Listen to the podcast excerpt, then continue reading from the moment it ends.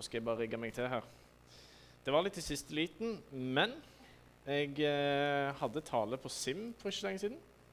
Så da ble det copy-paste. Så var det ikke så stressa likevel. Så hvis noen var på Sim da, så blir dette repetisjon. Så vi får se. Yes. Jeg eh, har jo snakket med egentlig alle her. Eh, hvis noen ikke har snakket med meg, så heter jeg Elias Eriksen Esperås. Og jeg kommer fra ei lita øy som heter Fågen. Den ligger rett utenfor Stavanger. Den er ca. 160 meter høy, som her inne i Sogn betyr en tur på bui og hjem igjen, egentlig. Eh, bor ca. 300 mennesker der. Eh, så det. Jeg, eh, og når jeg først flytta til Gautene, så var det mange som lurte på hvordan det er liksom å flytte fra Stavanger og storbyen og inn til en sånn liten plass. Nei, da kan jeg si det at Forgen er 300 mennesker, og Gaupene er byen. Så det er Stor forskjell, det var det jo. Jeg husker når vi fikk asfalt på øya. Det var stort. Det er absolutt. Jeg eh, tenkte i dag å snakke om eh, forventning. Og eh, forventning kan være veldig masse, så jeg har tenkt å fokusere på eh, vår forventning eh, til Gud og forventningen andre har til oss. Jeg har lyst til å være litt inne på det. Og eh, forventning, det har sitt, eh, vår, altså vår forventning til Gud den har jo sitt grunnlag i Bibelen, eh, som forteller hvem Gud er, og hva Gud har gjort. Det er òg grunnlag til forventning i Bibelen på det som ikke ennå har skjedd, men som Gud sier skal skje. Eh, så det er altså da profetier. Eh, og hvis vi tar for oss Jesus sin tid, Eh, de religiøse lederne da, de, altså også kalt skriftlærde, fariseere, de hadde forventninger til Messias og hvem Messias var. Eh, og eh, de hadde da eh, Gjennom forventningene som de hadde i, Skriften, så forventa de at Messias skulle være en seierskonge, skulle befri de fra romerne, sette de fri, eh, og at skulle, han skulle komme og danne et nytt kongerike der de kunne herske. Eh, og at Messias var en konge av Davids ett. Så er det jo interessant å se da, at Jesus på en eller annen måte passer faktisk ikke helt inn i dette, denne forventningen de hadde.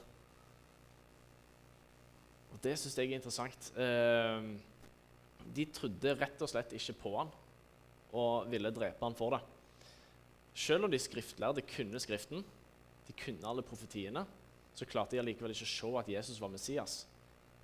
For de hadde forventa seg en eh, konge, og så fikk de en fattig snekker istedenfor. Og eh, når vi snakker om forventning til Gud, så er det interessant å se på livet til Paulus. Saulus, som han het før, eh, han var jo en skriftlærd. Han var en av fariseerne og en romersk borger. Og eh, han, Saulus han jakta med iver ned de kristne. Torturerte og drap de, sendte de på flukt. Helt til han da på vei til Damaskus får et møte hvor han ser Jesus sjøl. Et møte som gikk over all forventning for han. I Apostlenes gjerninger 9.3-6 kan vi lese at eh, men da han var på vei å nærme seg Damaskus, stråla det brått et lys fra himmelen omkring ham. Han stupte til jorda og hørte ei røys og sa:" Saul, Saul, hvorfor forfølger du meg? Hvem er du, Herre? spurte Saulus. Han svarer, jeg er Jesus, han som du forfølger. Stå opp, gå inn i byen, og der skal jeg si deg hva du skal gjøre. Så Saulus blir da vendt om, og han begynner å forkynne evangeliet frimodig som Paulus. Og I eh, slutten av apostlenes gjerninger, i kapittel 27 og 28, så har Paulus da blitt tatt til fange for nettopp dette her, da, at han forkynner evangeliet. Eh, og Helt til slutten av apostlenes gjerninger så er det da historien om reisen til Malta. og Det er den jeg har lyst til å prate litt om. Eh, og Siden Paulus da han var en romersk borger og hadde anka saken sin videre, for han var jo tatt til fange, så skulle han da bli sendt til Roma, til Italia. For å komme dit så måtte de reise med båt. Men eh, Paulus han advarte den romerske kommandanten eh, som, eh, som, hadde skulle ha Paulus med seg, at eh, nå må vi ikke seile. det kan bli veldig dårlig vær og storm. Men han romerske offiseren han hørte mer på kapteinen av båten, for kapteinen mente dette går fint. Men riktignok så blåser de opp til storm på vei til Italia. De havner i havsnød. Men tross alt dette her, da, så hadde Paulus roen med seg. Han brøt brøyt til og med brød med de andre om bord, ga de mat og ga de drikke. Og eh, en engel hadde sagt til han at alle kom til å overleve. Og jeg tenkte at da kan jeg jo lese rett fra kapittel 27. Eh, og så tar vi vers 39 og utover. Og Der står det Da dagen brøt fram, dro de ikke, kjens, eh, da dro de ikke kjensel på kysten. Men de så en bukt med flat strand, og der ville de prøve å sette skipet på grunn. De kappa alle ankrene og lot de gå, og samtidig løste de surringene på rorene. Så satte de forseilet og sto inn mot land med vinden. De dreiv inn mot en sandbanke med dyp vann på begge sider, og der rente de skipet på grunn. Forstaven båra seg dypt ned og ble stående helt fast, mens akterskipet etter hvert ble slått i stykker av brenningene. Soldatene ville nå drepe fangene for at de ikke skulle legge på svøm og rømme, men offiseren ville redde Paulus og hindre dem i den planen. Han ga ordre til at de som kunne svømme, først skulle kaste seg over bord og komme seg i land. Så skulle de andre komme etter på planker og andre vrakrester. Og på denne måten kom alle velberga i land.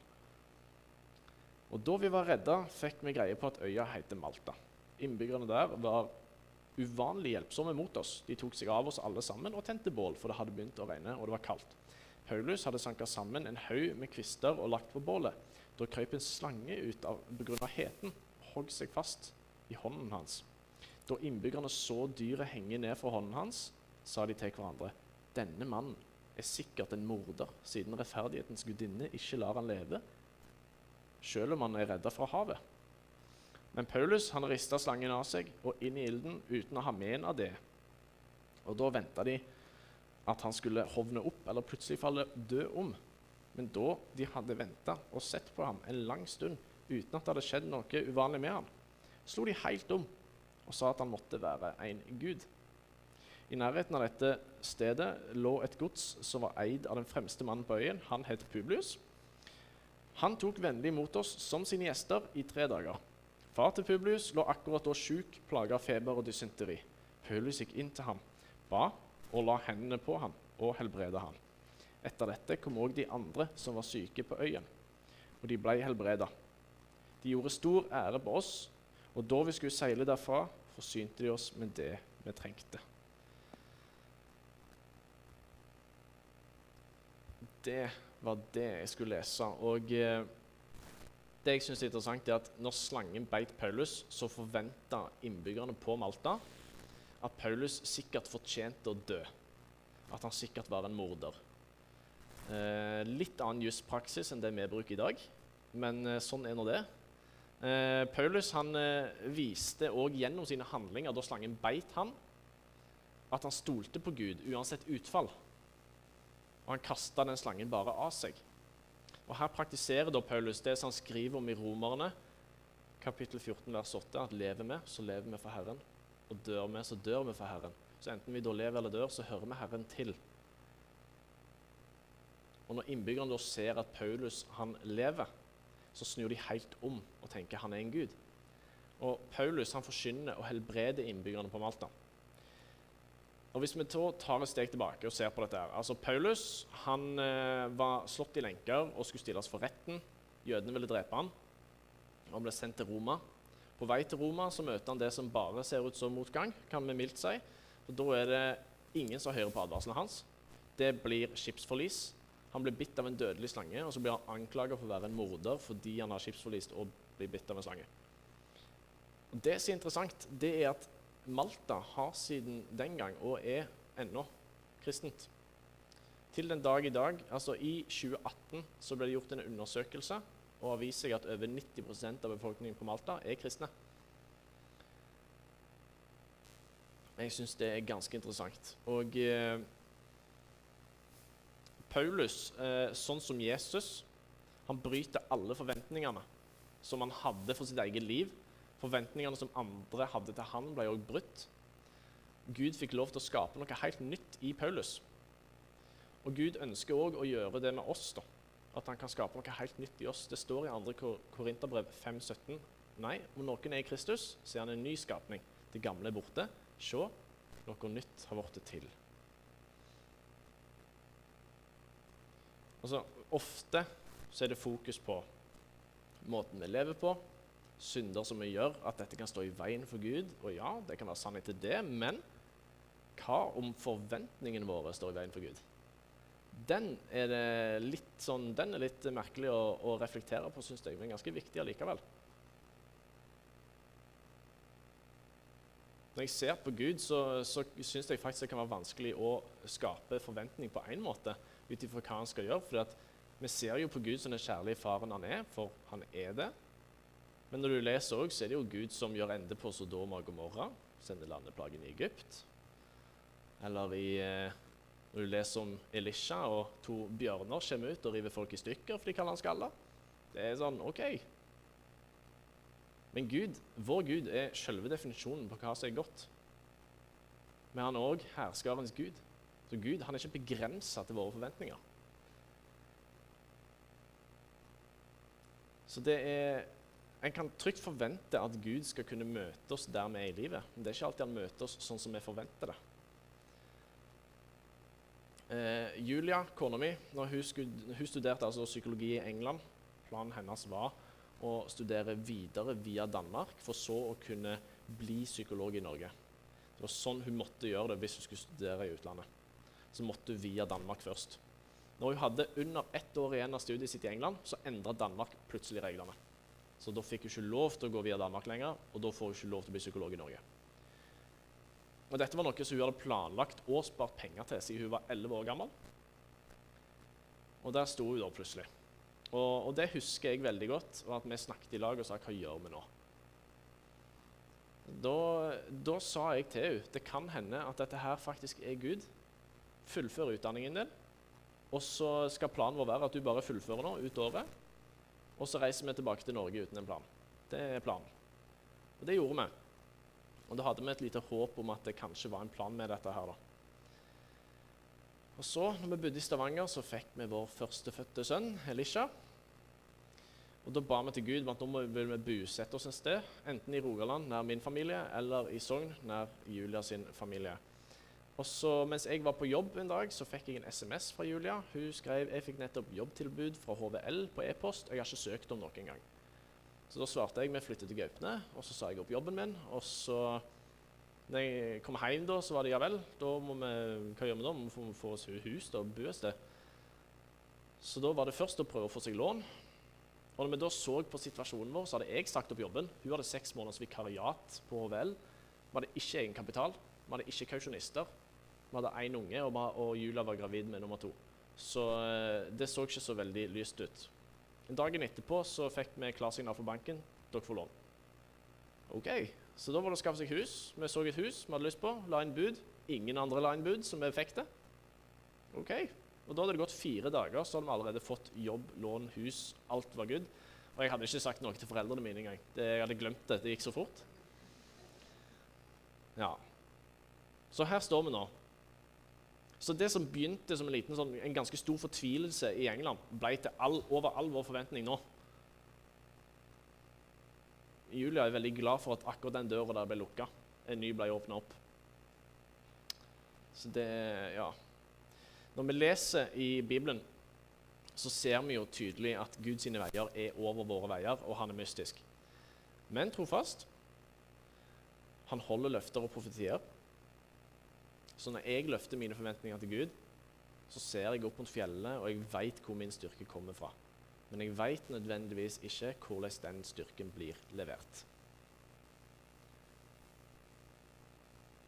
Så jeg tenker da på mitt eget liv i forhold til det å stole på Guds planer.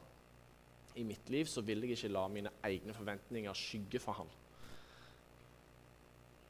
Eh, jeg har sånn lite sånn uh, rar ting som skjedde. Uh, jeg var, eh, I februar så var jeg i England og besøkte en menighet der sammen med noen andre fra Sogndal. Og eh, når vi kom hjem igjen fra England, vi landa på Flesland i Bergen eh, midt på natten Jeg somla bitte litt i taxfree-en. Eh, på vei rulletrappen ned til Bybanen fordi at bilen vår var parkert inne i Bergen, så vi måtte ta Bybanen dit. På vei ned til Bybanen så går Bybanen. Og neste er liksom fem om morgenen, så det var siste for natten som gikk. Og Det var jo typisk Bergen-vær, så det pøste jo ned, og vind fra alle retninger. Eh, så da var det jo OK, da må vi ta taxi. Så vi gjorde det, stilte oss i taxikø. Da var det ei som kom bort til oss, kanskje litt yngre enn meg, og hun lurte på om hun kunne dele taxi med oss. Så det var jo selvsagt greit. Og så eh, var planen hennes at eh, vi skulle ta taxi til bilen min, og så skulle hun gå hjem tvers gjennom hele Bergen sentrum. Og hun måtte gå eh, kanskje 20 minutter, da. Men da når vi kom fram til bilen vår, så fant vi ut vi bare kjører deg helt hjem, helt fram til døra. Så gjorde vi det, og så etterpå så kjørte meg og han andre fra Sogndal vi kjørte hjem igjen den natten. Og da når vi kjørte hjem, så bare fikk jeg tanken bare Oi, hva om hele planen var å ikke rekke den bybanen? Hva om hele planen var at hun, nøyaktig hun skulle kjøres helt hjem? Og så svarer han at det aner vi jo ikke. Det er jo sånn vi ikke kan vite. Men så kjente jeg en sånn veldig glede ved at jeg kan faktisk være veldig komfortabel i det å ikke vite. Trenger ikke å vite. Jeg kan ha en forventning og et håp, en liten tanke kanskje, men så stoler jeg på at Gud har en større plan. Så trenger jeg faktisk ikke å vite. Jeg har, trenger ikke å ha det behovet. Og Det som er interessant med eh, reisen til Malta eh, med Paulus, så er det det at han møter motgang. Det blir liksom en omvei for han. Eh, men det var sånn Gud hadde tenkt det allikevel. Og eh, Jesus bruker jo bildet om eh, den forstandige mannen som bygger huset sitt på fjell, og, altså Guds ord, og den som bygger huset sitt på strand. Og Det som er veldig viktig i det bildet der, er jo at stormen kommer til begge husene. For at du er ikke fritatt stormen selv om du hører til Gud nødvendigvis. Og det at stormen kommer, betyr ikke at Gud ikke er til stede. Sånn som det står skrevet i første Mosebok. De tenkte å gjøre meg vondt, men Gud tenkte det til det gode. Så da er det altså å leve for Gud, men òg å dø for Gud. Og uansett så hører vi Gud til. En veldig viktig ting å huske på det er at det er jo Guds forventninger vi er kalt til å strekke oss etter. Ikke andre sine forventninger til oss. Så altså det er Det å strekke seg til Guds forventninger og finne hvile og ro i det, det er det vi er kalt til å gjøre. Hvis du ikke vil at eh, Hvis ingen skal være uenige med deg eller bli krenka av det du sier, eller gå imot deg, så er det et ganske lurt triks du kan gjøre, og det er å ikke snakke Guds ord. Men hvis du har tenkt å forkynne Guds evangelium, så vil du mest sannsynlig få folk mot deg, uten at det nødvendigvis da er feil. Og Det er litt av den vi er nødt til å komme over for å kunne stole på Herren og strekke oss etter Hans vilje. Jeg finner veldig mye ro i akkurat det temaet der, på det som skjedde under pinse, når de fikk Den hellige ånd. Hellige ånd kommer som flamme over hodet på dem. Gir de det språket å snakke ut ifra hvor de skal reise. Folk på utsida fikk med seg dette her, for å si det mildt. De så her skjer det noe. Og det er to typer folk som står på utsida og ser dette. Du har de som ser det, hører språkene som blir talt, og sier 'oi, nå snakker de ditt språk', og nå snakker de ditt språk. Dette her er et mirakel, og så tilber de Gud. Den andre type folk som er der ute, er de som sier å nei, nå er, disse, eh, nå er de ute og rolles igjen. Nå er de helt ute og sykler. Dette er bare en gjeng med tullinger og når de mister forstanden helt. Så om folk reagerer sånn mot en når en gjør Guds vilje, så betyr ikke at noe er galt. nødvendigvis. For det er ikke deres forventning vi kalte å strekke oss etter heller.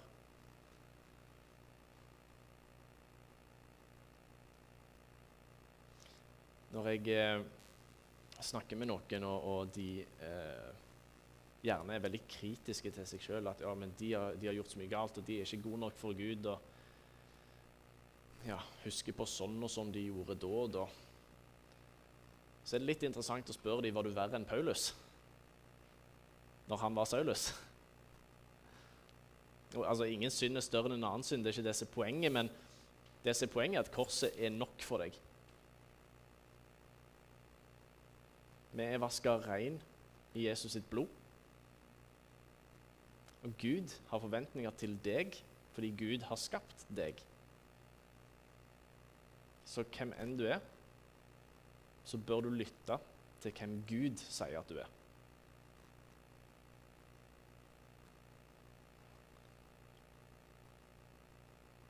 Jeg, eh, jeg, syns, jeg kommer ofte tilbake til denne historien om, om reisen Paulus hadde til Malta. fordi det, det, virker sånn Han har jo null kontroll. Han er faktisk låst i lenker her. Er en fange. Og, og, ja, de prøver å drepe han, og nå skal han liksom anke saken sin osv. Altså, det er for et styr. Går noen år tilbake, så var det ikke sånn livet hans eh, så ut, eh, mest sannsynlig. For hans del. Men da er han altså på vei, og han tenker ja vel, da er det i Italia. Og så ender han opp på Malta. Og så er det til syvende og sist hele planen. Det gir meg masse håp og forventning. Når ting blir vanskelig, så er det nettopp sånne ting som dette her, sånne historier som det der, som gjør at jeg kan si Gud, nå er jeg spent på hva din plan er. Så da er det Har du et Malta i livet ditt? Sant? Så om du skipsforliser på Malta, eller hvis vi tar det i vår kontekst, worst case scenario, du får motorhavari mens du er i Høyanger, så gled deg. Kanskje Gud har en plan med det.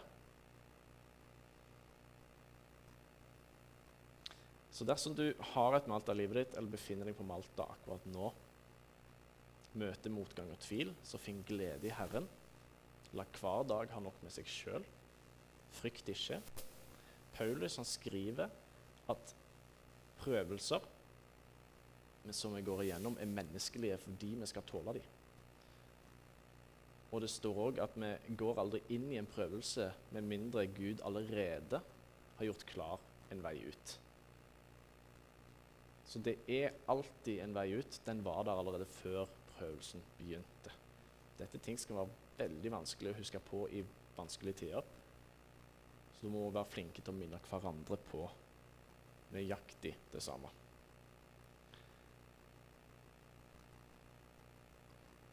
Yes. Jeg vil bare takke Herre for at du eh, kan virkelig tale til hjertene våre, forandre livene våre. At du kan frimodig lede oss inn på dine veier uten at vi har en plan med det, uten at vi veit det. Så jeg takker deg her for der vi er i dag, der du har ledet oss, for alle tilfeldigheter som du bare har skreddersydd for oss, som du kan forme oss med. Så la oss frimodig bli bevega av deg, Herre, og send oss dit du ønsker. Om det er et Malta som vi må innom, så er det til syvende og sist ikke en omvei, selv om det kan se sånn ut. Det var det jeg hadde. Jeg eh, var litt rask, så jeg, men eh, det kan sikkert noen sette pris på òg. Håper jeg. Så uh, yes. Takk for meg.